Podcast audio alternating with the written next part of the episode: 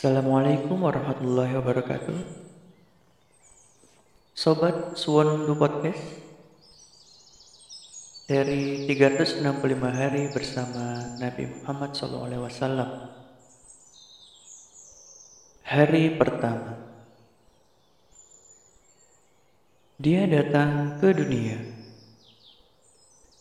Saat itu bumi dihiasi bunga warna-warni, burung-burung kecil lalat-lalat mungil, dan semua jenis buah dan sayuran. Anak-anak berlarian gembira.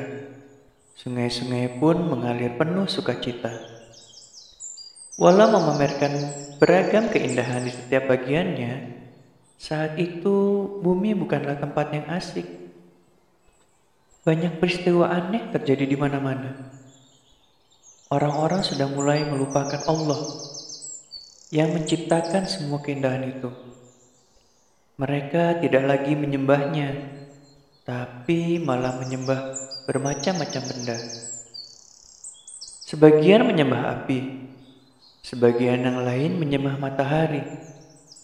Bahkan ada sebagian yang menyembah ternak yang mereka makan.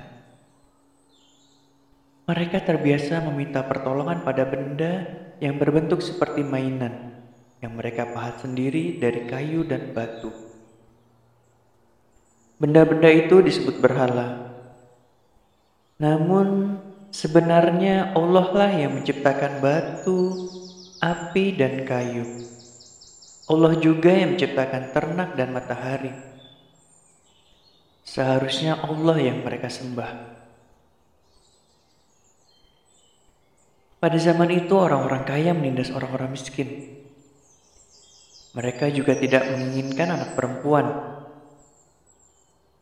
Orang miskin dipandang rendah. Orang tua diabaikan, orang sakit tidak dirawat. Pokoknya mereka tidak menghormati sesama manusia. Tidak seorang pun mematuhi aturan dan perintah yang sudah ditetapkan Allah.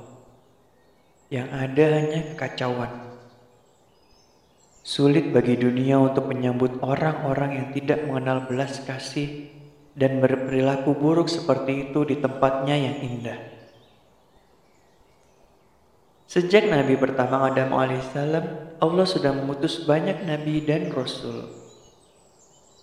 Para Nabi dan Rasul mengajak kaum mereka untuk hanya menyembah Allah, mengikuti jalan yang lurus, berbuat baik, dan selalu jujur. Namun tidak lama kemudian setan menyesatkan kaum nabi itu, membuat mereka lupa semua perintah dan larangan yang sudah disampaikan nabi dan rasul mereka. 500 tahun sudah berlalu sejak kedatangan Nabi Isa alaihissalam. Dunia sudah siap menerima kedatangan nabi lain untuk menghentikan ketidakadilan, penindasan, dan kekejaman yang terjadi di mana-mana. Nabi itu akan datang membawa kedamaian, keadilan, dan kemakmuran bagi dunia. Namun, kapankah ia akan datang?